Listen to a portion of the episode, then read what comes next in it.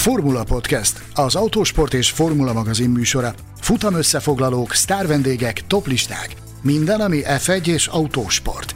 A Formula Podcast virtuális stúdiójában Betlen Tamás, Gellérfi Gergő és Mészáros Sándor. Mikor lesz végre amerikai versenyző az F1-ben? Hogyan tudna a legnépszerűbb motorsport szakágá válni a Forma 1 az USA-ban? Melyek voltak a sportág aranypillanatai a tengeren túlon? Üdvözlünk minden autósport szurkolót a Formula Podcast második évadának 62. adását hallhatjátok. Köszöntöm kollégáimat, Gelérfi Gergőt és Mészáros Sándort. Good morning, bus followers! Üdvözöllek benneteket, sziasztok! Engem Betlen Tamásnak hívnak, és ezúttal arról beszélgetünk, mit tudunk az amerikai autóversenyzésről, az Egyesült Államokban rendezett Forma 1-es futamokról. Tartsatok velünk! Azt hiszem, hogyha amerikai autóversenyzésről beszélgetünk, akkor nem feltétlenül a Forma 1 jut mindenkinek először eszébe.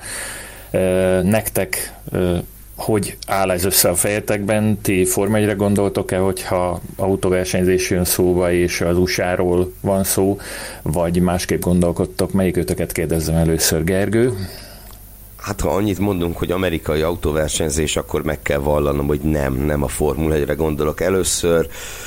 Ugye az Egyesült Államoknak van két kiemelkedő csúcs szériája az IndyCar és a NASCAR, és ezekhez mind a kettő szervesen hozzákapcsolódik egy különleges, Európában igen kicsi kultúrával rendelkező versenyzés, az ovál versenyzés. Ha azt hallom, hogy amerikai versenyzés, akkor, akkor elsősorban ez jut eszembe, meg talán utána a Daytonai 24 órás amely ugye a világ egyik ö, kiemelkedő autóversenyének nevezhető, de de az mindenképpen pozitív, hogy a korábbiakhoz képest, mondjuk ahhoz képest, ami ugye sráckoromban volt a jellemző, azért egyre nagyobb joggal juthat az ember eszébe minden mellett a, az Egyesült Államok nagy díja is. Azt hittem a kis teherautó versenyzést fogod mondani. És a kis teherautó versenyzést. Egy korábbi adásunkban nagyon jót derültünk. E, igen, ha Amerika, akkor ovál. Én azt gondolom, hogy ezt ezt nyugodt szívvel jelenthetjük ki. Ugyanakkor, ha az Indikáról és a NASCAR-ról beszélünk, az én tapasztalatom az, hogy a kettő között is szignifikáns különbség van, és a NASCAR javára. Tehát az az, ami a, az amerikai autóversenyzésnek és az amerikai autósportnak a, a testamentuma, az alfája és az omegája. Ugye az ö, rendelkezik, a NASCAR rendelkezik a legnagyobb rajongói bázissal, a, az Indikár még ehhez képest is csekély, de, de azért mind a kettő jelentősnek mondható, ami, ami örvendetes.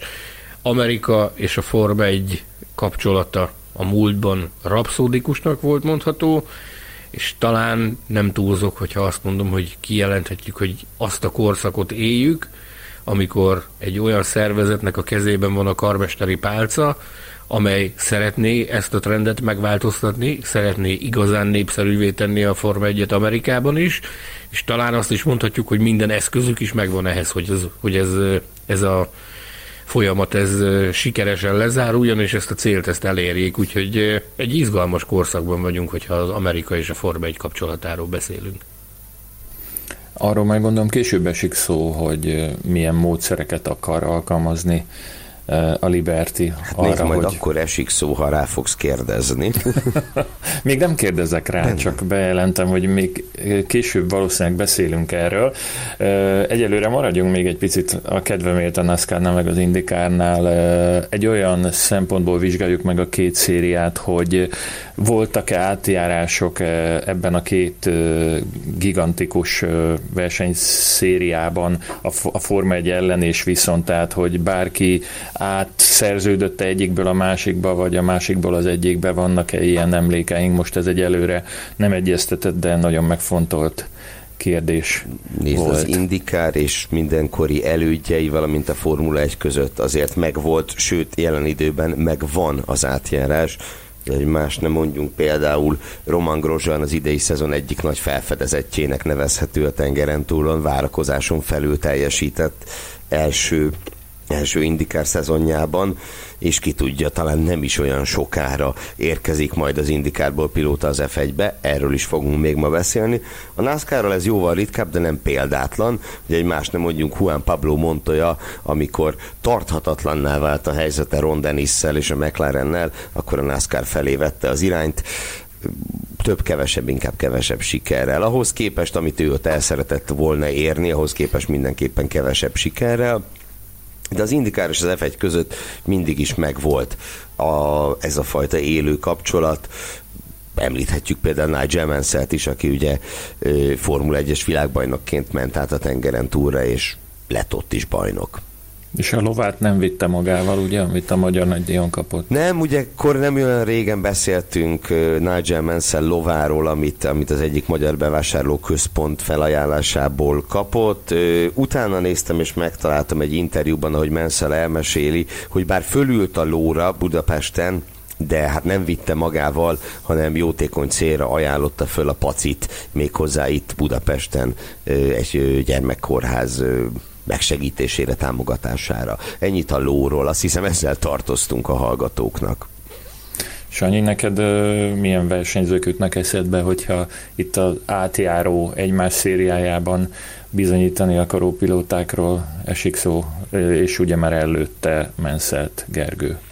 Mindenképpen szóba kell, hogy hozzuk. Csak most, ha az aktualitásokat nézzük, ugye épp ma jelentették be azt, hogy Nico Hülkenberg indikár teszten vesz majd részt hamarosan a, a McLaren indikár projektjének a keretein belül, de ugye Gergő Grosant említette, akkor én Marcus Eriksson említeném, aki szintén gyakorlatilag életet lehelt a pályafutásában pályafutásában az Indikárban, miután a Forma 1-ből távoznia kellett. Ha pedig kellene mondjak még egy nevet, akkor, akkor én szóba hozom Danika Petriket, aki szerepelt az Indikárban, szerepelt a NASCAR-ban, és ugye megemlítettük azt is a közelmúltban az egyik műsorban, hogy volt idő, amikor bizony arról is szó esett, hogy talán a Forma 1-ben is felbukkan, amiből ugye nem lett semmi, de ő például ott mozgott a két széria között neki, neki egyikből, kell, egyikből ment a másikba, és ott is komoly sikereket ért el.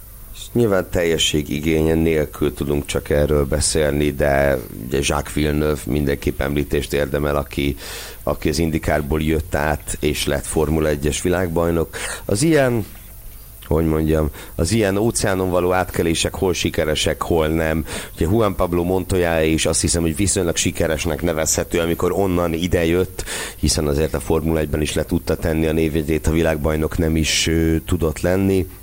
De hát aztán ott volt mondjuk Sebastian Bourdais, aki atya úristen volt a tengeren túlon, és a Formula 1-ben pedig Sebastian, az ifjú Sebastian Fettel fölmosta vele a padlót, ment is vissza azonnal Alex Zanardi ugye szintén nem találta meg az F1-ben a számítását, ahogy Cristiano de Matta sem, tehát azért nem mindig jött ez be, de vannak ilyen példák, mint Villeneuve és, és Montoya, akik, akik az óceán mindkét partján tudtak villantani és még egy nevet szeretnék mondani, azt mondtam teljesség igénye nélkül, szóval már csak egyet, Jim Clark pedig ugye fordított irányba mozgott egy kicsit, amikor átruccant megnyerni az Indi 500-at abban a szezonban, amikor a második Forma 1-es világbajnoki címét szerezte.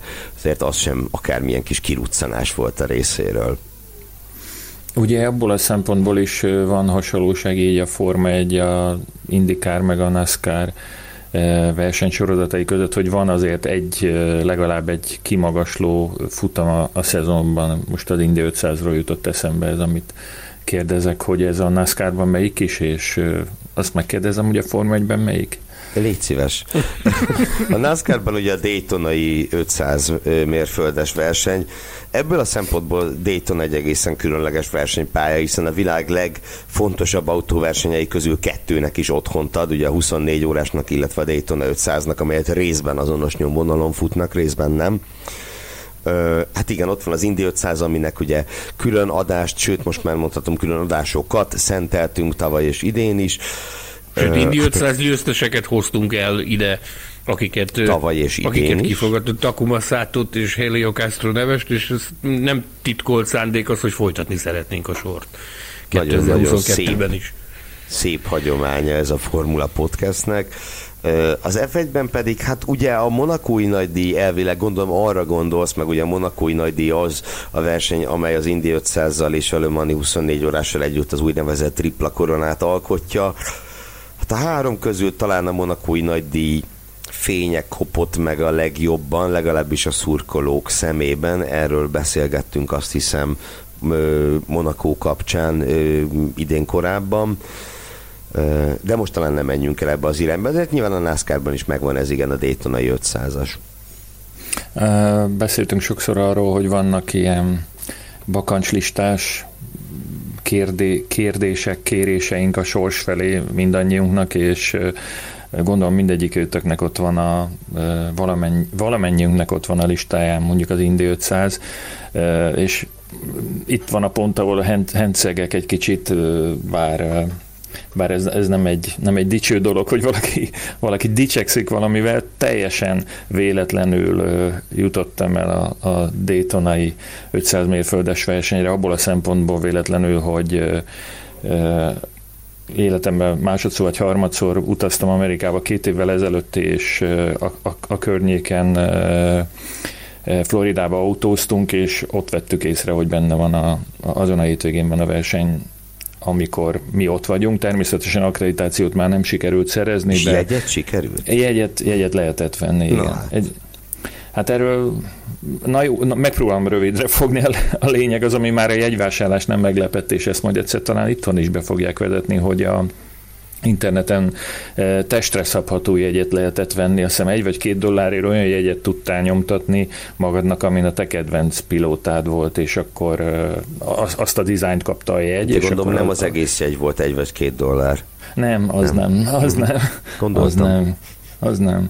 És eh, hát a nézőtérről volt szerencsém, de így legalább nagyon jól ráláttam fölülről a, a box utcára és, és minden másra nem a legdrágább élet vettük, de így is azért elég, elég kemény volt, és még ami okvetlenül fontos élmény volt az az, hogy a, a a pályának a, a shopjában, természetesen ott gondolom ott is mindenki megfordul, aki kimegy a versenyre, ott ö, találkoztam miskolci emberekkel, hihetetlen, hogy...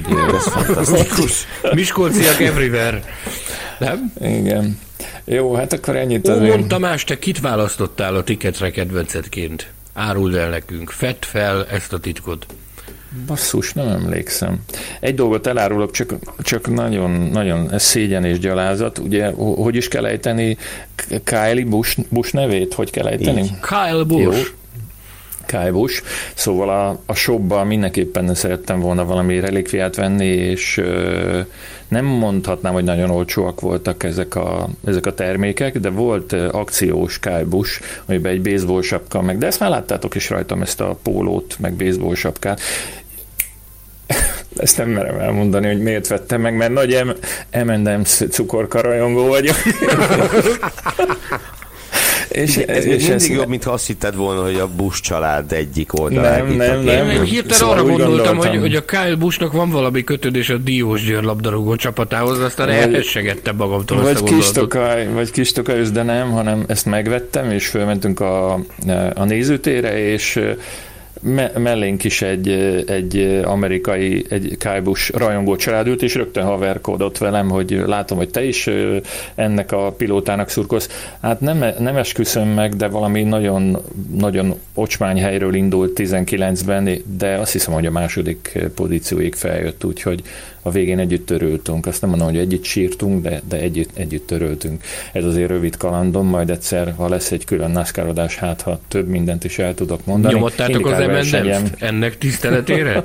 Igen, a, egyébként Egyébként ott létezik uh, kilós kiszerelés, úgyhogy uh, igen, igen, ezt választottuk, ezt felvittük a, a nézőtére, és ott a, nem tudom, azt hiszem, hogy a, a brutál az, az maga a, az emberekkel megtöltött nézőtér. Ugye ne, nem teljesen körbe a loválpályán, de, de az egyik karé, egy, egy, a fele ennek a loválpályának ez, ez csupa nézőtér, és azt hiszem, hogy 250 ezer ember tud egyszerre ott leülni, ami, ami, ami nem kevés. Na mielőtt tovább megyünk, hadd áruljam el neked, hogy 31. helyről indulva lett második ez a derékem. És emlékeztem, hogy második az olyan rossz helyen ült, hogy nem láttad pontosan. Olyan rossz helyen ült, hogy nem láttad, hogy hagyadik pozícióból indul a Kyle Busch. Igen. Na jó, akkor beszéljünk most valami másról, ne a NASCAR-ról meg az Indikáról, hanem arról, hogy mikor is került a Forma 1 először a tengeren túlra, pontosabban az Amerikai Egyesült Államokba, meg egyáltalán mi vitte oda?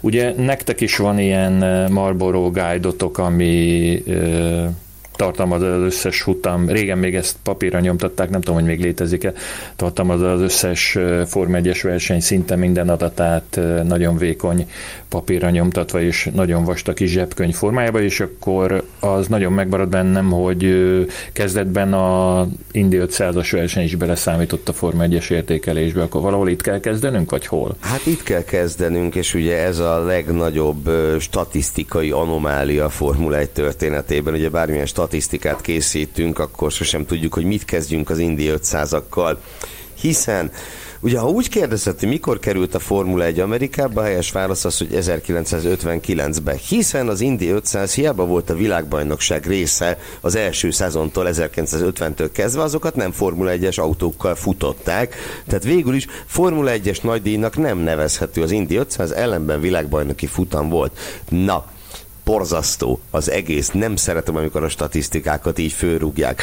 No de lényeg, ami lényeg, egyszer voltak az Indi 500-ak, 1950-től 60-ig képezték a világbajnokság részét, teljesen más mezőnyel, más autókkal, és így tovább. Egy-egy próbálkozás volt, például Alberto Ascari átment Indianapolisba versenyezni, de ott nem ért el eredményt ugye az, abban az évben Formula 1-es világbajnoki címet szerző Ascari.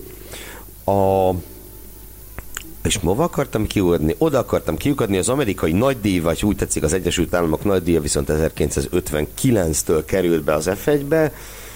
Az elején nagyon hányatott sorsa volt neki, ugye River, Sebringben volt az első USA nagydíj, mármint az első világbajnoki, F1-es világbajnoki rangú USA nagydíj, Riverside-on a második, ezek a pályák egy-egy alkalommal látták vendégül a bajnokságot, és utána viszont Watkins Glenben 20 évre otthonra talált a Formula 1, Ugye mai napig Watkins Glen az a pálya, amelyik a leghosszabb időn át fogadhatta a, a Formula 1-es világbajnokságot. Öm, eleinte ez egy nagyon népszerű helyszín volt, később aztán egyre kevésbé volt az, és hát utána indult el egy ilyen egy ilyen körforgás, egészen változatos helyszíneken fordult meg. Az Egyesült Államok valamely futama, azért kell így fogalmazni, hiszen nem csak az USA nagydíjról beszélhetünk, hanem külön volt ugye a nyugat-amerikai nagydíj, USA West Grand Prix, és hát voltak ilyen furcsa képződmények, mint a Caesars Palace Grand Prix, amit magyarul olykor helytelenül Las Vegas-i nagydéként emlegetnek, de hát valójában ugye ez a, a, a versenynek otthont adó szálloda, hát ugye a parkolóban otthont adó szálloda nevét viselte ez a nagydíj, a Caesars Palace Grand Prix, volt, volt Dallasi nagydíj, és mindenféle egyebek is. Ö, és aztán ugye, amire talán már jóval többen emlékeznek, többek között Baumgartner Zsolt pontszerzése, valamint a hatautós futam miatt, amelyik nem, nem ugyanaz a verseny volt, lépten nyomon hangsúlyozni kell ezt, utána egy hány évre? És nyolc évre, ha jól emlékszem, ugye Indianapolis visszafogadta a Formula 1-et az Indianapolis Grand Prix pályán, jelenleg pedig, ugye, mint azt jól tudjuk, Austinban lakik az Egyesült Államok nagydíja, ami azért különleges helyszín az amerikai nagydíjak történetében, hiszen ez az első, és ugye ezzel együtt az egyetlen olyan pálya, amit az Egyesült Államokban kimondottan az F1 számára építettek. Az első ilyen épített versenypálya a a KOTA, ugye Circuit of the Americas, az ő, az ő teljes nevén és aztán ugye itt három pontot rakhatunk ki a sztori végére, hiszen jövőre érkezik a Miami nagy díj, hogyha minden igaz, és, és ahogy Sanyi nem olyan régen elárulta nekünk, hogy a szervezők meglehetősen eltökéltek azzal kapcsolatban, hogy minden körülmények között meg fogják tartani a Miami nagy díjat. Akkor ez nem olyan, mint a New Yorki nagy díj, Sanyi? Nagyon nem. Nagyon nem, ugye itt egy egészen komoly előkészítő munka zajlott gyakorlatilag éveken keresztül. Ugye ezt a, a Miami Grand Prix ötletét annak idején még Sean Brecsis vetette fel, mint a, a Formula One Managementnek a, a kereskedelmi igazgatója, ugye amikor a Liberty átvette a, a Formula One Managementet, akkor Sean Brecsis töltötte be a kereskedelmi igazgatói posztot, és próbált feltérképezni lehetőségeket szerte a világon. És hát ugye az egyik elsődleges cél az volt, hogy amennyiben, ha és amennyiben lehetséges, akkor amilyen gyorsan csak lehet, akkor, akkor csinálni kell egy újabb amerikai nagy díjat, egy másik, második futamot Amerikában. És ő rögtön Miami környékén kezdett kapirgálni, de aztán ott hosszas, hosszas egyeztetések után is folyamatosan ellenállásba ütköztek a, a lakók részéről, meg mindenféle környezetvédelmi ellenállás, meg minden, minden, minden összeesküdött ott a sztori ellen, úgyhogy ez évekig parkoló pályán volt, de a háttérben folyamatosan ment a, az egyezkedés ezzel kapcsolatban. Azt, hogy ugye ezt a futamot tulajdonképpen idén Imolában jelentették be, hogy ez a verseny ez 2022-ben debütál a, a világbajnokság menetrendjében. Én magam arról, hogy, hogy áttörtek a falak, és lehetővé válik a viadal megrendezése. Én 2019-ben Mexikóban, szombat reggel hallottam erről Bridges-től, aki akkor már nagyon közel állt ahhoz, hogy, hogy elszakadjon a, a Formula One Management kötelékétől, ugye a következő év januárjában ö, távozott, de, de ott és akkor azt mondta, hogy tulajdonképpen hosszú hónapok erőfeszítései után sikerült konszenzusra jutni minden érintett féllel, így Miami megrendezheti a nagy díjat. Aztán utána elindult ugye a pályatervezés, végül egy, egy olyan pálya lesz, ami magában foglalja majd gyakorlatilag a Miami Dolphins NFL csapatának a stadionját is, a Hard Rock Stadiumot, ami ugye Miami Gardens városrészben található Miami-ban, és nem, hogy nem, hogy az nem merül fel kérdésként, hogy adott esetben nem rendezik meg a nagy díjat, hanem minden erejükkel azon vannak, hogy minél nagyobb felhajtást csapjanak az új amerikai verseny körül. Más nem mondjak, a, a Williams két pilótája, például Nicholas Latifi és George Russell Szocsiban már Miami Dolphins mezben rohangálva amerikai focival ö, dobálták egymást, amerikai focit dob, dobáltak egymásnak a pedokban. Ez is a, a verseny promóciójának gyakorlatilag egy darabja volt, és az elkövetkezendő időszakban erre kell felkészülni, hogy ezerre fogják nyomni a jövő évi Miami nagy díjat. Már én is készülök amúgy, a múlt héten megnéztem a Baywatch-nak az új verzióját, és ez, ez volt ki, a felkészülés. Hogy, hogy képbe legyek teljesen, ott el ne tévedjek. Hogyha Jöhet a Miami Vice most már. És ugye nem kell összekötnem, hogy ki miatt néztem meg nem. ezt. Ez egy rejtvény lesz, és aki, ha megírja ha valamelyik köze hallgató. van az F1-hez, kedves hallgatók, a kommentben várjuk a válaszokat. Én, én felajánlom, hogy ha kitalálja valaki, hogy miről szólt ez az utalás, hogy melyik nem férfi miatt néztem, ez furcsán hangzik, néztem meg ezt a filmet, akkor, akkor ő neki fogok küldeni egy Formula Mit? Podcast hátizsákot, képzeljetek, van, van ilyenünk is, de ez, ezt még ti se láttátok, úgyhogy ez most nagyon nem. exkluzív információ volt. Szóval más exkluzív információ, először, és nekünk nem. Köszönjük. Hát ha tudjátok, a, a monogram, te tudod, a francba. Jó, akkor térjünk vissza az hát adás fő témájához. Aljasok. aljasok vagytok, engem kihagytok ebből. Sanyi, talált ki, és a téd a hátizsák. Szóval beszéltünk már statisztikákról, beszéljünk továbbra is, mert, mert ez, ez nagyon kedves téma nekünk. Azt szeretném megkérdezni valamelyik őtöktől, hogy mely pilóták és csapatok aratták eddig a, a legnagyobb sikereket, a legtöbb diadalt az USA-ban. Van erről valami információnk? Akad. Épp az imént pofoszkodtunk itt ezzel kapcsolatban megpróbáltam számon kérni, megpróbáltam sarokba szorítani kiemelt főstatisztikusunkat, Gergőt, és örömmel árulom el, hogy nagyon ritkán van ilyen, de most egy picit sikerült. Nem teljesen, de csak egy icike picikét. Ez nem mondom, hogy sikerélmény, de, de nem, nagyon ritkán van ilyen, ezt bátran merem kijelenteni, hogy ez a, nem csak a műsorok közben, hanem a hétköznapokban is nagyon ritkán van olyan, hogy kérdezünk tőle valamit, és azt nem mondom, hogy nem tudja, hanem hogy, hogy gondolkodnia kell néhány Mondhatni téved. Hát ugye Elmondhatom így... most ezt a kettőt én? Kérlek. Tehát a legtöbb futamgyőzelmet Lewis Hamilton aratta az Egyesült Államokban, aki nyert egy Indianapolis és, és nyert öt alkalommal Austinban. A csapatok közül pedig a Ferrari a legeredményesebb tíz győzelemmel az Egyesült Államokban. Ugye Hamilton egyel előzi meg Mihály Schumachert ezen a listán.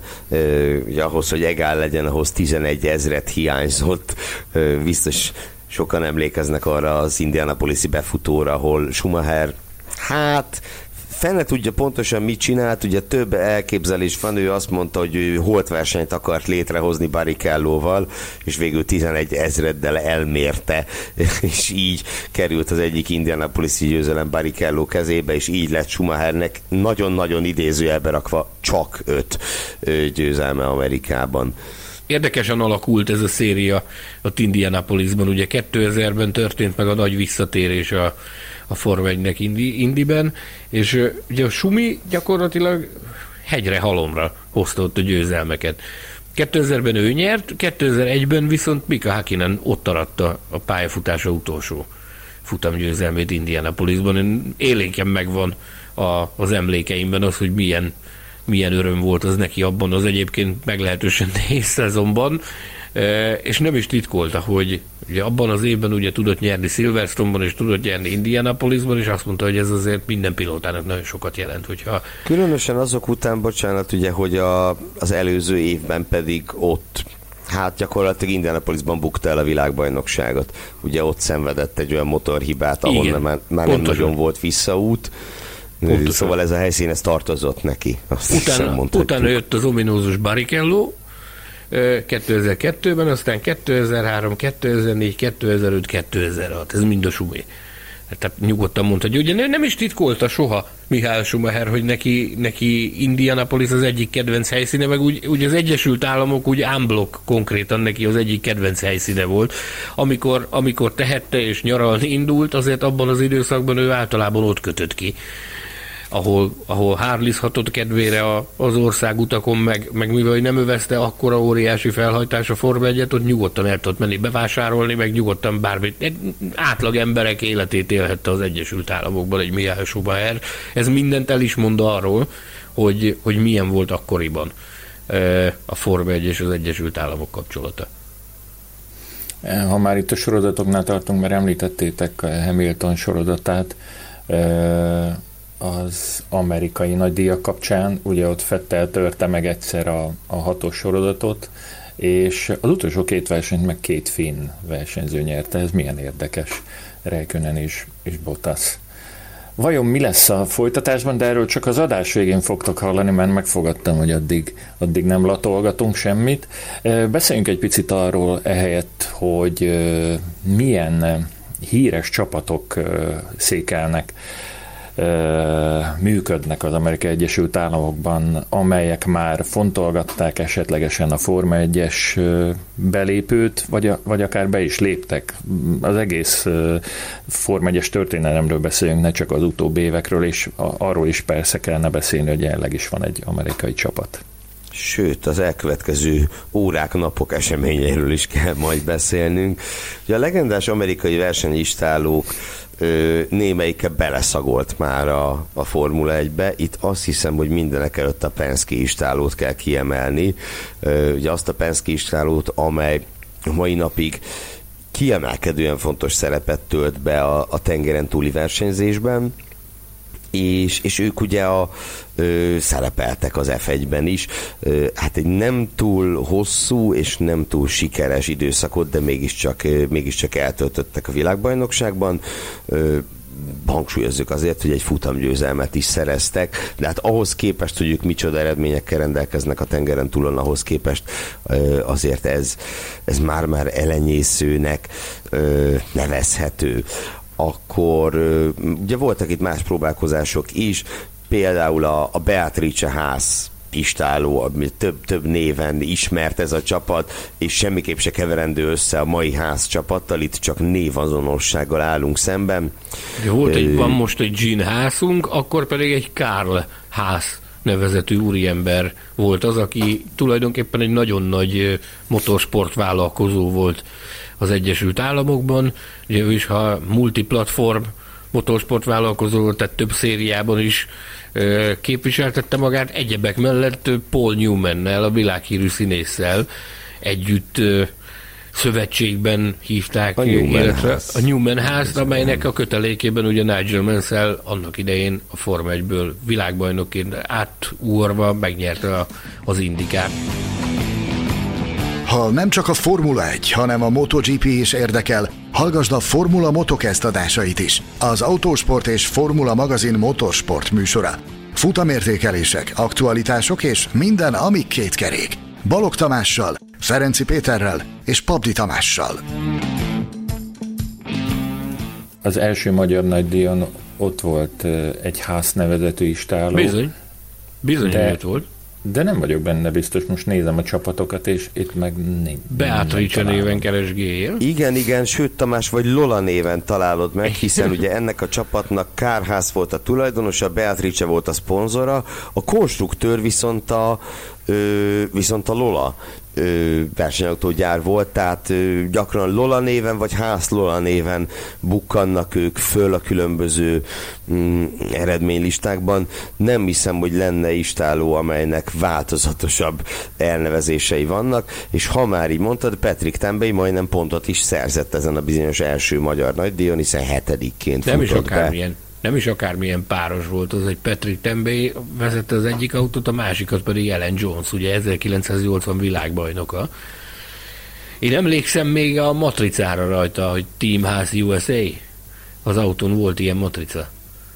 Így van, ennek a csapatnak egyébként, hogy mondjam, tehát egyszerűen sikeresnek kellett volna lennie, hát nem lett az, de hogy tényleg ott volt, ott volt világbajnok versenyzőként a, mm, az Ellen Jones, ott volt a, a tapasztalat ugye a, a tengeren túlról, és hát, és hát megfordultak azért nem, nem kis figurák ennél a csapatnál, hogy mást nem mondjak, Adrian Newey és Ross Brown is megfordult ennél a csapatnál rövid történetük alatt. Igaz, 1985-86-ban még nem számítottak ők Formula 1 történelmi léptékű géniuszoknak, de hát azért több mint érdekes, hogy egy, egy ilyen, ilyen csillag együttállásból gyakorlatilag a világon semmi sem sült ki. És akkor ugye, ahogy mondta Tamás, ugye van a másik, úgy szóval a másik ház, ugye a, a házistáló, amely a Formula 1 legújabb, és jelen állás szerint egyetlen amerikai csapata, de azt hiszem, hogy itt kerülgettük eléggé a forrókását ahhoz, hogy, hogy utaljunk az esetlegesen érkező újabb amerikai csapatra. Nem olyan régen beszélt a legutóbbi, ugye a legutóbbi futamértékelőben beszéltél erről nekünk, Sanyi, hogy az Andretti istáló, hát itt kódorog a Formula 1, és egészen pontosan Hinville körül, ugye mint a, mm, a jelenlegi Alfa Romeo, vagy ha úgy tetszik az Uber istáló esetleges jövendőbeli tulajdonosa, és hát ö, és hát nagyon-nagyon izgalmas, izgalmas kommunikáció, izgalmas kommunikációk érkeznek a részükről. Egyelőre még csak mindenféle sejtetések, de hát ugye, hogy akkor is mondtad, Sanyi, mi is lehetne jobb ö, időzítés valami kis hírmorzsa ö, ledobására, mint az amerikai nagydíj hétvégéje. Isztambulból úgy jöttünk el, hogy tulajdonképpen minden forrásunk azt mondta, hogy minden esély megvan arra, hogy egy ilyen bejelentés történjen ezen a hétvégén. Ugye nem ugrunk itt előre az időben, várunk, figyelünk, azt halljuk, hogy ez a, ez a, ez a pénzügyi ajánlat, amit tettek, ezért a bizonyos 80%-os tulajdonrészért az Andrettiék, ez, ez nagyon elnyerte a tetszését annak, aki erről, aki erről dönteni fog.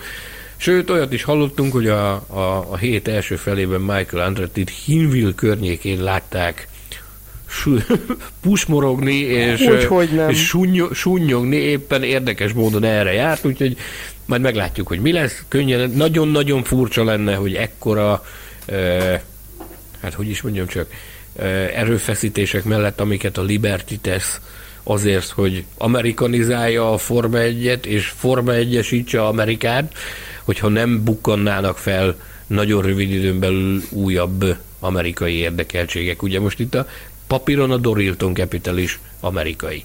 aki a, a Williams-t birtokolja Dorilton úr, akinek a, a pontos kilétét még mindig homály felé, de ugye az is egy Amerikában bejegyzett vállalat felől. Ugye a Williams, mint brand mégiscsak egy brit autósport brand, és, és óriási nagyot szólna, azt hiszem, hogyha az egyik legpatinásabb név a tengeren túlról az megérkezne az F1-be. Egyébként trollkodásban már most világbajnokok Andrettiék, ugye most itt szerda este beszélgetünk egymással, né, valamikor délután ők azt posztolták a Twitterre, hogy izgalmas nap következik, jöhet, egy, jöhet némi hír a csapatról, és miután hát néhány száz komment érkezik érkezett arról, hogy F1 így úgy amúgy bejelentettek egy új öko-friendly együttműködést egy bizonyos céggel. Szerintem a, a értik, értik, értik a csíziót, maradjunk annyiban. Hát, hogy ne értenék. Remélem, hogy nem aludtam át ennek az adásnak az a részét, amikor a legnagyobb nevekről beszéltetek, mert nekem úgy rémlik, mint a Mario Andretti nem hoztad volna fel, mint, Mivel? mind a egyáltalán azt a részt aludtad át, amikor rákérdezel a legnagyobb amerikai versenyzőkre. Igen. Akkor ezt hagyjuk benne az adásba, és röhögjön rajtam mindenki, mert megérdemlem. Uh, Mario Andretti egyébként uh, vállal bármiféle szerepet, így több mint 80 évesen a, a jellegi istálóban? Van ott neki bármiféle uh, tennivalója, vagy csak reprezentál, vagy még az sem? Sanyi, mit tudunk erről? Hát nézd, hogyha ő semmit sem csinál, csak ott van, már az is egy nagyon komoly erőfeszítés, egy nagyon komoly dolog. Nekem, nekem Mário Andretti eh, a világbajnokok közül ő volt az, aki a leghosszabb ideig hiányzott a kollekciómból az élő világbajnokok közül. Rettenetesen vágytam egy Mário Andretti interjúra, de valahogy mindig, mindig, mindig úgy alakult, hogy, hogy, hogy ez nem jött össze. Valami, valami mindig történt, és két évvel ezelőtt épp a, a Kotán ö, sikerült elcsípnem őt, és hát egy, egy szenzációs ö, egyéniség az ember, tehát egy, egy hihetetlenül karizmatikus ember, akinek gyakorlatilag lesik minden gondolatát, minden mondatát Amerikában, tehát az tényleg, hogyha ő semmit sem csinál, csak ott van, és a mindennapi életét a, a csapat környékén éli, bár azzal is nagyon sokat tesz a csapatért, mert a figyelmet rajta tartja a társaságon, ami ugye azért nagyon-nagyon megkönnyíti a dolgokat. Tehát nem véletlen az, hogy egy ilyen szerteágazó tevékenységi körrel rendelkezik a, az Andretti féle családi motorsportvállalkozás, hogy hét ilyen nagy formátumú szériában tudnak jelen lenni. Ehhez elengedhetetlenül fontos az, hogy legyen egy ilyen, egy ilyen don tulajdonképpen a trónon, aki, aki egyben tartja ezt az egészet, azzal, hogy csupán van. De nyilvánvalóan neki is megvannak a maga feladatai, hogy pontosan mi abba én nem látok bele, azt tudom, hogy, hogy hihetetlen tisztelet övezi őt az Egyesült Államokban. De hát ugye a másik nagy öreg, uh, Roger Penske, a tengeren túli nagy rivális, ugye szintén 80 fölött abszolút jelen van és aktív, sőt, ha úgy tetszik, egyre aktívabb, hiszen ugye nem olyan régen olyan, olyan tulajdonokat szerzett meg magának, mint például az Indianapolis-i versenypálya, hogy más ne említsünk.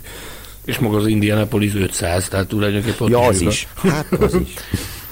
Van egy nagyon fontos kérdés, az amerikai nagydíj Austini helyszínével kapcsolatban, hogy 19-ben, eh, amikor te utoljára ott voltál, akkor eh, voltak még a lányok, a pompomos lányok, hogy hívják őket? Cheerleader. Vagy már onnan is ki vannak tiltva? Ez hogy is van?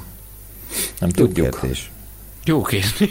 De Sanyi a nem versenyzőket tudjuk. meg az autókat megy figyelni, nem de a lányokat. De hogy, de a lányokat is Ezt... figyelgetjük, azért mondjuk halkan mondom, mert a feleségem itt még a fejemre kocogtat, hogyha esetleg meghallja a, a műsor. Én megmondom őszintén, most ha a fejem levágott, se tudom megmondani, hogy láttam-e ilyen cheerleader jellegű ö, hölgyeket ott, a pá- hogy, hogy a, a pályán jelen voltak, azt, azt ö, azt szinte biztosra tudom mondani, de hogy kapt, megkapták-e azt a megfelelő mennyiségű reflektorfényt, ami, tehát hogy hivatalos keretek között felbukkantak-e a griden, ezt, ezt nem gondolnám. Jártam a griden, Austinban, de nem rémlik nekem, hogy ott, ott cheerleadereket láttunk volna. A pedok környékén, meg a nézőtéren ott, ott, ott több helyen felbukkantak attraktív hölgyek. Én uh, egyszer jutottam el oda, Hát az is majdnem, hogy a véletlennek köszönhető, sőt, bevallom, hogy a véletlennek 2013-ban ez a második verseny volt Austinban, akkor New Orleansban rendezték a Rotax világdöntőt, és nagyon sok magyar, minden kategóriában egy vagy két magyar pilóta is kvalifikálta oda magát, és, és sikerült velük kiutaznom. New Orleansba, és ott az három vagy négy napos futam az előkészületekkel együtt talán egy hetes is, de az utolsó nap le lehet lépni szombaton már, és átautóztunk, és mivel rájöttem, hogy azon a hétvégén van Austin egy, egy köpésre, 800 kilométerre, ezért átautóztunk a feleségemmel, és akkor még úgy volt, ezt se tudom, hogy áll-e még, hogy vasárnap délig föl lehet venni az akkreditációt. Egyébként, hogyha ilyen egyeseményes, de ezt te már nem tudod, mert neked állandó akkreditációd van. És valami... Ugye, úgy van egyébként, ezt tudod, honnan tudom?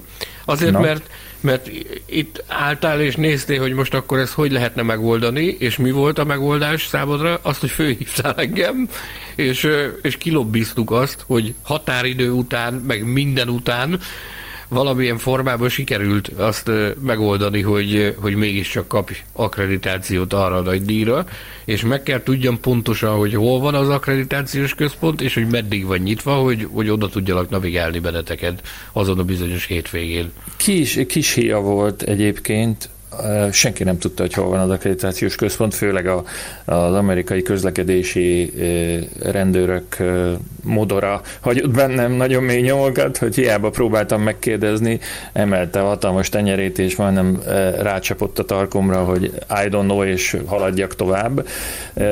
Tényleg az utolsó pillanatban estem be egy ilyen kulturális központba, és szerintem már minden, mindenki pakolta. Úgyhogy gyakorlatilag egy fél délután töltöttem el Austinba, de de a verseny után azért elég különleges élményben volt részem, mert ugye ez az a versenypálya, ahol ügyelnek arra, hogy ne özönöljenek, jó ez a ragozás, Gergő, ki a, a, a szurkolók a futam után azonnal, hiszen a versenyt követően koncerteket rendeznek, és, és egy Pitbull koncertet volt alkalmam végignézni, egy egy órás sót, ami egy igazi amerikai show volt, egy, egy lapáttal azért még rátett a dologra, de nem jutottam fel a toronyba, ahova te meg gondolom feljutottál, Én ugye? feljutottam, igen. Igen. Az első néhány napom az nagyon zűrös volt. Nagyon sok időt töltöttem együtt kiváló kollégámmal, barátommal, Szabó Bicó Szilárddal és Szelecki Ádám pit reporterrel, együtt vettük az akadályokat, tehát csodás kalandjaink voltak egyébként Austinban. Elmentünk az Ádámban, megnéztük a kapitóliumot, ahol tudja Isten, hogy hogy valami hivatalos emberek az irodájában kötöttünk ki egyszer. Ugye ott szabad bejáráson úgy, hogy közben megy a, a, a hivatali idő, és akkor mi oda egyszer csak bementünk, és nem tudjuk, hogy hogy valami, valami embernek az irodájában voltunk, ahol azt mondtuk észre, hogy nem, nem nagyon szívesen látnak ott bennünket. Ugye ez a, a washingtoni kapitóliumnak gyakorlatilag a pontos mása szenzációs hangulatú Jó, hogy ez város. nem a Washingtoni, ahova Sámán ment be. Nem, ez nem. Nem, nem, nem, nem, nem, nem. De körülbelül olyan látványosságot kelthettük ott abban az irodában, mint a, mint, mint a Sábán az Ádámban. E, zsúfolt napjaink voltak, megpróbáltuk kimaxolni azt az időt, amit, amit Austinban töltöttünk, és én, én a szombati napon jutottam fel a, a kilátóba, a torony épületbe. Hát nagyon komoly látványosság, azt kell, hogy mondjam, az, az, a, az a történet. Tudom, majd, majd teszek fel szerintem a Formula Podcast Facebook csoportban néhány képet, hogy, hogy felülről onnan pontosan hogy néz ki. Nem tudom, hogy neked van tériszonyod, Tamás? Nekem óriási tériszonyom van. Akkor nem biztos, hogy ez rád lett optimalizálva ez a torony, mert nekem annyira durván nincs, én egyedül ezen a Libikókán neve, Libikóka nevezetű eszközön szédültem mindig, amikor óvodás voltam. Ehhez képest nem, széd, nem szédültem a tor, toronyban, nem szédülök a repülőn, meg semmi ilyen nyavajám nincs, de arra mai napig nem tudná felültetni, ez biztos.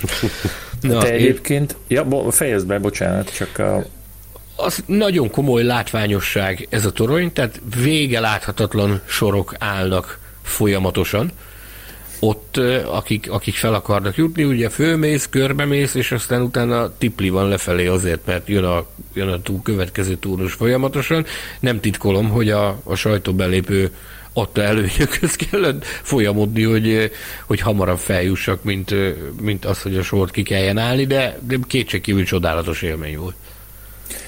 Nem tudom, hogy te repülővel hagytad el austin vagy merre távoztál, de a, a reptérről, ahogy felszállt egy aránylag kisebb gép, és mentünk tovább, már nem tudom, hogy hova, az, az viszont közvetlenül a pálya fölött szállt föl, és, és még be is döntötte a, a pilóta, nem az én kedvemén nyilván, hanem mert arra kellett kanyarodni. Ez, az, az tényleg valami fantasztikus látvány. Látta az a, a pilóta, az a, a fülkét, nézzétek, mert Betlen nagyon néz kifelé, akkor fordítsuk be oda, hogy olyan lásson rendeset, nem? Úgyhogy így ezzel a látványjal búcsúztam Austintól, de remélem, hogy úgy, ahogy tervezzük, hogy Miami-ba együtt nézzük meg az első uh, nagy díjat, így még lesz alkalmunk Austinba is eljutni. Meg, Díj az nem, hogyha Austinból tartanánk podcastot együtt. jó lenne. Nagyon jó lenne. Én egyébként úgy távoztam, hogy autóval visszamentünk Dallasba, egy belga kollégával, Mark Cornelissennel, és akkor ő onnan New York irányába vette a az irányt, én pedig, én pedig visszamentem Mexico City-be, mert ugye korábban úgy volt ez, hogy, hogy amerikai nagy díj, és mexikói nagy díj. És ez ugye back-to-back volt, oda-vissza. Na most abban az évben, 2019-ben pont fordítva volt, úgyhogy Mexikó volt előbb, úgyhogy Mexico Cityből érkeztem Dallasba, onnan mentünk autóval Austinba, letudtuk Austint, és én utána visszamentem Dallasból, visszarepültem Mexico Citybe, és úgy repültem vissza Európába. Na most ebben ebben az volt a, tehát én rettenetesen vágytam arra, hogy ezt a dupla fordulót, ezt, ezt ebben a formában megcsináljam. Ugye az volt az első szezonom, mint, mint állandó akreditált, tudtam, hogy ez a szezonnak a megkoronázása lesz is.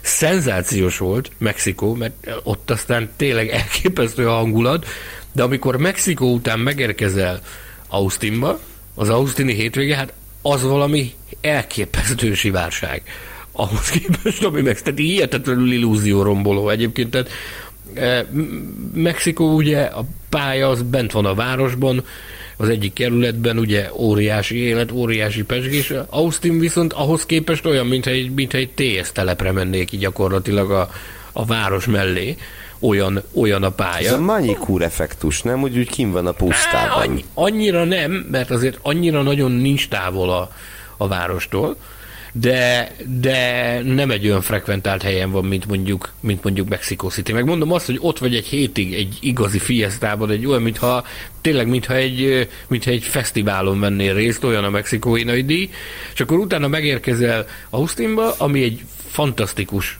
igazi hangulatos texasi város, és, és akkor a, a város szélén van egy pálya, amin vannak is, meg nem is, ráadásul rettenetesen hideg volt abban az évben, 2019-ben, képzeld el, tehát ott láttam a saját szememmel, meg Jánvári Zsolti el tudja mondani azt, hogy a szerelők gyakorlatilag ilyen megoldásokhoz folyamodtak, hogy a gumimelegítő paplanokat leterítették a padlóra, és akkor azt magukra csavarták, és, és úgy melegedtek, mert szó szerint, szó szerint borzalmas hideg volt azon a hétvégén. Azt hittem azt fogod mondani, hogy láttál megfagyott marhákat, és közben meg eszembe jutott, hogy az adás cím akkor legyen, hogy Austin és más TS telepek az USA-ban, de ez, ez, ez hát, az atyám mondom, hogy nekem, nekem, nekem ilyen érzi, mert nem ilyen érzés keltett Mexikó után, hogy megérkeztek, hogy, hogy ez mi az atyám, és ez olyan, mint egy TS telep. De modern egyébként elképesztően nagy ö, sajtóterme van uh, Austin. Nagyon modern, tudom, ilyen kivet, nagy kivetítő van a... Nem, a, kis, ki, nem kis kijelzők vannak, hanem három ilyen hatalmas, gigantikus nagy, mint Abu Dhabiban például. Olyan, olyan óriás kivetítő van. Nagyon komoly étterem van hihetetlenül jó kajákat kaptunk például. Nagyon finom burgereket, nagyon finom hotdogokat szervíroztak a, a, a, a sajtóteremnek az éttermében. Ugyanak... Nem tudom, a, a, a pumpomlányokat kérdeztem már, hogy azok voltak-e? Minden gondolatod de körül ma, Maga mindig ugyanarra gondolt. Ezt már kérdezted. Szerintem arról kéne még szót ejtenünk, hogy ki lesz a TS telep királya idén. A TS telep királya. Ez lesz a cím. Az első titkár. Hát, Hát, Mi már tippeltünk erre, csináltunk egy laza, egy laza tippelést erre, nem, kedves Gergő? Hát igen, ugye amikor megpróbáltuk megtippelni a szezon hátra levő részének alakulását, akkor akkor azt mondtuk, hogy ezen a helyszínen Louis Hamilton fog nyerni, mert ezen a helyszínen Louis Hamilton szokott nyerni. Plusz? Ugye egyébként is második otthona neki az Egyesült Bizony. Államok a pályának, meg hát elég nagy tudója, és akkor hát még lehet, hogy finoman fogalmaztunk, ugye Nyolc itteni futtamból nyert ötöt, hogyha jó, jó a hirtelen fejszámolásom. Jó, de az utolsó kettőt nem elnyertem. Nem, de előtte meg 6-ból 5 igen, azért az csak számít hát, valami. Elfelejtett vezetni, nem? nem, nem. Viszont 19-ben itt lett világbajnok. Hát igen, igen, igen. 19-ben, 19-ben itt biztosította be a, a világbajnoki címét. Úgyhogy mi arra amellé tettük a garast, hogy Hamilton ő, fog itt győzni. Továbbra is nagyon-nagyon kicsi, ugyebár a különbség a, a két élmenő között a világbajnokságban. És hát ezzel tulajdonképpen ugye meg is fordulhat, az Hamilton vissza is feheti a vezetést a bajnokságban, ha nyer. Ami a Max Emilian Verstappen is illeti, ugye egyébként neki sem megy rosszul, itt Austinban, uh, ugye volt harmadik itt, volt második itt, illetve emlékeim szerint 2017-ben volt, amikor leküldték a dobogóról, de az lehet, hogy Mexikóban volt, most el is bizonytalanodtam. Nem, itt is történt vele ilyen, így van, így van, így van. Tehát tulajdonképpen zsinórban háromszor lett dobogós, csak ebből egyet nem tarthatott meg. Hát kemény csörte lesz, azt hiszem, ebben az egyben biztosak lehetünk. Beszélhetünk egy picit a többiekről is, hogy ki milyen reményekkel vág neki így a szezon utolsó hányadának, egy negyedének? Van-e, van-e, van-e tétje a többiek számára? Kik harcolnak majd a legkeményebben a két emberen kívül ezen az Austini versenyen? Sanyi? Vagy Gergő? Én azt hiszem, hogy Valtteri Bottas mindenképpen megpróbálja meg, meglovagolni azt a lendületet, amit ő az elmúlt időben megszerzett. Nyilvánvaló, hogy ő akkor nyerhet csak futamot, hogyha nincsen mögötte Hamilton. Egyértelmű, hogy ennyire kiélezett helyzetben nincs Form 1 csapat, amelyik nem a világbajnoki címet küzdő pilótáját támogatná. De hát Bottas ugye hetek óta igen jól teljesít, Törökországban egészen nagyon jól teljesített, és és hát szerintem ő titkon bízik benne, hogy azért még a, a búcsú előtt még egy vagy még két győzelem leesik neki. Hát a többieket illetően én azt hiszem, hogy Sergio Pereznek is bőven van mit bizonyítania, bár most éppen egy nagyon kiváló ö, versenyen van túl, de előtte azért volt jó néhány ö, több mint kellemetlen hétvégéje. Ö, hát a Ferrari-nál pedig én azt hiszem, hogy ott még lesz egy, egy, egy kemény csata, a bizonyosan sportszerű, de kemény csata a csapaton belüli presztízs győzelemért. Ugye jelenleg elképesztően szoros fél pont a különbség Carlos Sainz javára Charles képest. Én azt hiszem, hogy a mezőny mindenféle szegleteiben meg lehet találni az izgalmas, az izgalmas történetelemeket, és, és szerintem egy nagyon-nagyon élvezetes, már-már felejthetetlen utolsó negyed előtt járunk. És most Vágy... hadd mondjam kivételesen, hogy remélem, hogy igazam lesz. Vágyat és óhajt is meg lehet fogalmazni, kedves Tamás? Minden. Vágyakról besz- beszélhetünk. Óhaj, vágy. Én nagyon szeretném, hogyha ha itt Austinban ezen a hétvégén Lando Norris valami nagyon-nagyon dobna. Tudod miért?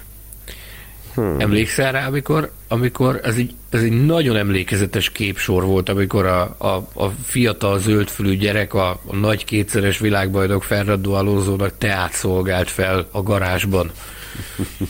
megvan az a, megvan az a jelenet sor, Tamás? Az 2018-ban itt történt Austinban, úgyhogy mekkora hatalmas lenne az, hogyha ha úgy, hogy most ott vannak mind a ketten a mezőnyben, a, az akkori, akkori kis zöldfülű, még mindig nagyon szemtelenül fiatal Norris valami, valami nagy eredménnyel tudna előrukkolni. Szerintem az egy, egy, egy nagyon szép sztori, sztori Több szempontból örömteli lenne egy McLaren siker, azt Igen. hiszem. Ha nem is futamgyőzelem, de valamilyen kiugró eredmény. És ha már Norris, ugye azt ne feledjük el, hogy ő, ő harcban van a bajnoki negyedik helyért. A harmadik talán elúszott már, ahhoz azért nagyot kéne fordulni a kockának, hogy Bottas befogja, de a negyedik helyért Perezzel nagy csatában van Norris és hát azt mondani se kell, mekkora dolog lenne egy McLarennel, a jelenlegi erőviszonyok ismeretében egy McLarennel megverni egy Red Bullt. Szóval azt hiszem, ő is azok közé tartozik, aki, aki nagyon-nagyon keményen fog hajtani. Talán kijelenthetjük, hogy, hogy, hogy, hogy mindenki. Borzasztóan hosszú idő után egy, egy olyan szezonunk van, aminek ez a, ez a végjátéka, ez a néhány futam, ami még hátra van, ez, ez, ez tényleg a hab, lesz, a hab lehet a tortán ha, ha minden úgy alakul, ahogy gondoljuk, akkor tényleg olyan élményekben lehet részünk az elkövetkezendő hetekben, ami, amire egész életünkben emlékezni fogunk, ha, ha Forma 1 fogunk beszélni. Nem? Én azt is gyanítom, hogy Kimi Räikkönen is szeretne még egy utolsó nagyot dobni. Nyilván itt a, az autó jelentette korlátok megvannak, de egy, egy erős pontszerzés, vagy egy erős időmérős szereplés az, az azért a következő hetekben még neki is benne lehet a pakliban. És hát ugye van egy olyan versenyzőnk is, Antonio Giovinazzi személyében, aki elvileg az állásáért küzd, bár az több, mint valószínű, hogy ezt a küzdelmet nem a pályán mutatott teljesítmény, hanem egészen más szempontok fogják eldönteni. Vagy talán már el is döntötték, hát, fogalmazunk igen. így. Beszéljünk hát, inkább arról, igen. ki fogja a legtökösebb előzéseket bemutatni az egyes kagyar környékén. Imádom ezt az egyes kagyart, ami itt van a, a kotán, nem? Szenzációs. Hát igen, igen, igen, igen. Leginkább azért, azért szerethető ez a kanyar, mert itt tényleg jó néhány különböző ívet választhatsz amelyeknek egyaránt van létjogosultsága. A rajt után nyilván ezért is alakulnak ki izgalmas helyzetek, meg az az érdekes ebben az egyes kanyarban, főleg a kiáratában, hogy a bemenete nagyon széles, elfér egymás mellett, itt gond nélkül három-négy autó is, de a kiáraton valahogy mindegyik ugyanoda esik végül, ugye a külső íven lévő kerékvetőre. Láthattunk ott már nem egy koccanást a rajtot követően. Jaj, most, hogy ennyit beszélünk róla, tartanánk már ott vasárnap este. Ja, igen, még nagyon fontos szolgálati közleményem van. Uh, itt többen írták kommentekben, hogy akkor lesz izgalmas időmérő, és akkor remekel George Russell, amikor én nem látom az időmérőt. Nos, kedves hallgatók, szombaton túrázni megyek, tehát ha valaki komolyabb pénzt akarna tenni Russellre, akkor egyrészt ne tegyen, mert nem, nem a fogadás rossz dolog de a sor mint alapján remek időmérőnk lesz, amit ismét nem látok élőben. Nekem valami azt súgja, hogy bejelentést kell tennem a, a, a műsoridőt illetően? Honnan tudtad? Ráéreztem. Honnan tudtad? Honnan tudtad? Úgy érzem, hogy a csontjaimban, hogy, hogy lassan a műsoridő végére érünk. Miután végigszaladtunk az összes napi rendi ponton, és kipipáltuk az esélylatolgatást is, nem tudom milyen extra, extrém információt mondjuk még. Én még elmondom azt, hogy van nekem egy menetrend a kezemben arról, hogy mi minden fog történni a, a Forma 1 hat versenyén kívül évvégéig, nevezetesen, hogy már nyomdába is adtuk a, az idei fali naptárunkat, ami rövidesen meg Remélem, is fog a jelenni. fali naptárat hát, adtuk nyomdába. igen, igen. Ezt, ezt így most így elterveztük és megcsináltuk. Dolgozunk nagy erőkkel a, a következő Formula magazinon, ami, ami Austin után fog ö, utcára kerülni, és nem fogjátok kitalálni, milyen autó lesz a címlapom. Ö, aztán, hát arról meg Gergő meg Sanyi tud beszélni, hogy még milyen dolgokon dolgozunk. Ö, vaskosabb és súlyosabb kiadványok is meg fognak érkezni rövidesen azt is el tudjuk mondani, hogy talán még december 1 körül, tehát a szezon előtt, de ugye erről már nagyon sokat beszéltük, hogy ennek a szezonzáró előtt a Forma 1 szempontjából, hogy ennek milyen okai vannak, hogy ennek a könyvnek így meg kell jelenni e, idő előtt. És mi lesz még? Mi fog még velünk történni? Lesz majd egy top 50-es e, magyar autóversenyzős ranglistánk is, meg még ki tudja mi minden meglepetés. Ti tudtok még valamiről? Mivel tudnátok meglepni még? Még a karácsonyt említeném ebben a listában. nem politizálunk, nem, nem politizálunk. Nem, a másikra gondoltam, a december 24-én érkezőre. Na, viccet félretéve, szóval addig még nagyon sok dolgunk van, ahogy említetted, ugye van az immárom hosszú évek óta szerkesztett két kiadványunk, ugye Sanyi, Sanyi és Betlen szakkollega jegyzik a Szágódás és Cirkusz című kötetet, én pedig Tamás oldalán az Autosport évkönyv nevű kiadványt próbálom tető alá hozni, ezeken dolgozunk gőzerővel, de annyit azért ígérhetünk, hogy mindemellett a, a podcastre, a Formula podcastre minden körülmények között maradni fog időnk és energiánk. Azt hiszem ez egy felelősségteljes vállalás, ugye? Igen, és akik velünk vannak a Formula Podcast Facebook csoportban, azok már értesülhettek arról, hogy itt például a következő attrakció, amivel készülünk, az, az a McLaren csapatfőnöke Andreas Seidl lesz, aki még ezen a héten csatlakozik hozzánk egy kiadós beszélgetésre, ami hát reményeink szerint minél hamarabb kikerül majd a, a csatornára. Lehetőségetek van ezúttal is kérdezni, van egy poszt ezzel kapcsolatban a csoportban. Ha esetleg valami megfogalmazódik, amit úgy gondoltok, hogy benneteket érdekel, akár téma, akár exakt, konkrét kérdés, ne habozzatok, toljátok a kommentet, figyeljük. Csütörtök estig még lehet kérdezni, lát még azért talán péntek reggel, péntek reggel is. E, onnan, onnan is fogunk szemezgetni egy néhány kérdést, tehát jön hozzánk András Seidl, a McLaren vezére, aztán jönnek majd még más vendégek is, a podcastbe is, a könyvbe is, és még ki tudja hova is. Köszönjük, hogy megint velünk tartottatok, kíváncsiak voltatok ránk, kérjük, hogy ajánljátok barátaitoknak, ismerőseiteknek, hogy kövessék podcastünket. Spotify-n és a többi netes lejátszó felületen eh, zárójel. Felhívott egy eh, nagyon jó ismerősöm, hogy eh, elkezdte hallgatni a, a podcastot, és rá, rájött, hogy én vagyok az egyik készítő, és hogy Miből ő szerinte... Rá? Miből jött rá Nem tudom. Sokat gondolkodott, vagy? Sokat, sokat. és ő szerinte az, az lehet probléma, hogy ilyen fizetős lejátszó, mint a Spotify lehet elérni a, az adást, és hogy ezen miért nem változtatunk, de én mondtam neki, hogy azért ez, ez ingyenesen is meghallgatható, aki egy kicsit ö, otthonosabban mozog egy, egy hangyánál az én internet világában, ugye? leszek, én ma hallgattam podcastet, nem a Formula podcastet, más podcastet Spotify-on, és soha nem volt Spotify előfizetésem, tehát ugye ez a tartalom ingyenesen elérhető ott, de ugye van 800 másik podcast lejátszó, szintén megtalálható a Formula Podcast, arról nem is beszélve, hogy fönn van a Youtube-on is, meg a formula.hu weboldalon is, szóval aki akarja, az mögtalálja. Mögtalálja. Szöged, tudod? Ö, Gelérfi Gergő a szögedi cölökbe. Göllérfi. Na, hagyjál csak. Göllérfi görgő. Mondd azt a kiköszönést, Tamás, nem érünk rá. Güllérfi Csatlakozzatok, kérlek bennünket, csatlakozzatok bennünket. a Formula Podcast Facebook csoportjához, kérdezzetek tőlünk ott vagy e-mailben, az előbb már tett Sanyi utalást hogy mi mindent tudtok még ott tenni.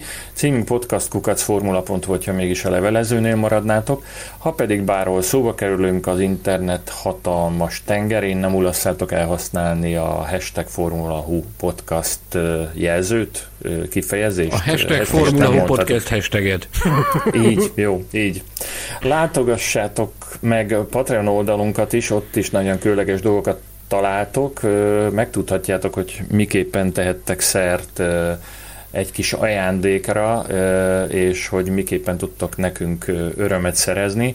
Gergő, erről akarsz valamit mondani? Nem akarsz neveket sorolni, akik már boldogát tettek bennünket? Ez egyrészt nagyon zavarbejtő. Félreérthető. Mondhatni. Másrészt, másrészt megleptél, és nem készítettem elő, de tudod mit? Már mondom is. Szóval Támogatták az októberi adásaink elkészítését többek között Bertalan Zoltán, Móni István, Varga Csaba, Hetyei Júlia, Végi Ádám, Visi Ákos, Ort Noémi, Tódzsombor, Fehér Ákos, még egy Varga Csaba, Schneider Judit, Magda Zsanett, Odett és Molnár Árpád is. Hála és köszönet neki. A jó ezért. Isten minden áldásra szálljon rá. Köszönjük szépen. Az egyik Varga Csaba mellé írd hogy Tokióból, mert ő tényleg Tokióból támogat minket. Ez így igaz. Javasoljuk még, Arigato hogy... kedves Csaba. Javasoljuk még, hogy hallgassátok meg MotoGP-s testvér podcastunkat, melynek neve, na vajon mi? Formula Motocast. Ezen túl olvassátok a formula.hu-t, lapozgassátok magazinunkat, nézzétek tévéműsorainkat, keresétek könyveinket, tudjátok, jön nem sokára a két új könyv. Végül pedig, ha még ez se lenne elég, kutakodjatok webáruházunkban, újabb termékeket is felfedezhettek, nagyon különleges, érdekes, szép, kedves, olcsó Aranyos, cuki, nemes, dolgokat. jeles. Köszönöm. De ami mindennél is sokkal fontosabb az, az a közös tanácsunk, mi szerint szeressétek a motorsportokat. Munkatársaim, barátaim, szerkesztő kollégáim, Gelérfi Gergő és Mészáros Sándor, a képek és borítók nagymestere, vagy csak mestere, Füzi András. Fekete öves. Fekete öves. Fekete öves, jó. Illetve Hilbert Péter művészeti igazgató nevében is búcsúzunk. Néhány nap múlva ismét hallhattok majd minket, addig is. Sziasztok! Hallgass meg korábbi műsorainkat, valamint iratkozz fel ránk Spotify, Google, Apple Podcast vagy más csatornáinkon. A linket megtalálod a leírásban, illetve a formula.hu weboldalon. Ha szeretnél hozzájárulni a műsor készítéséhez és fejlődéséhez, látogass el Patreon oldalunkra, amelynek címe www.patreon.com per Formula Podcast.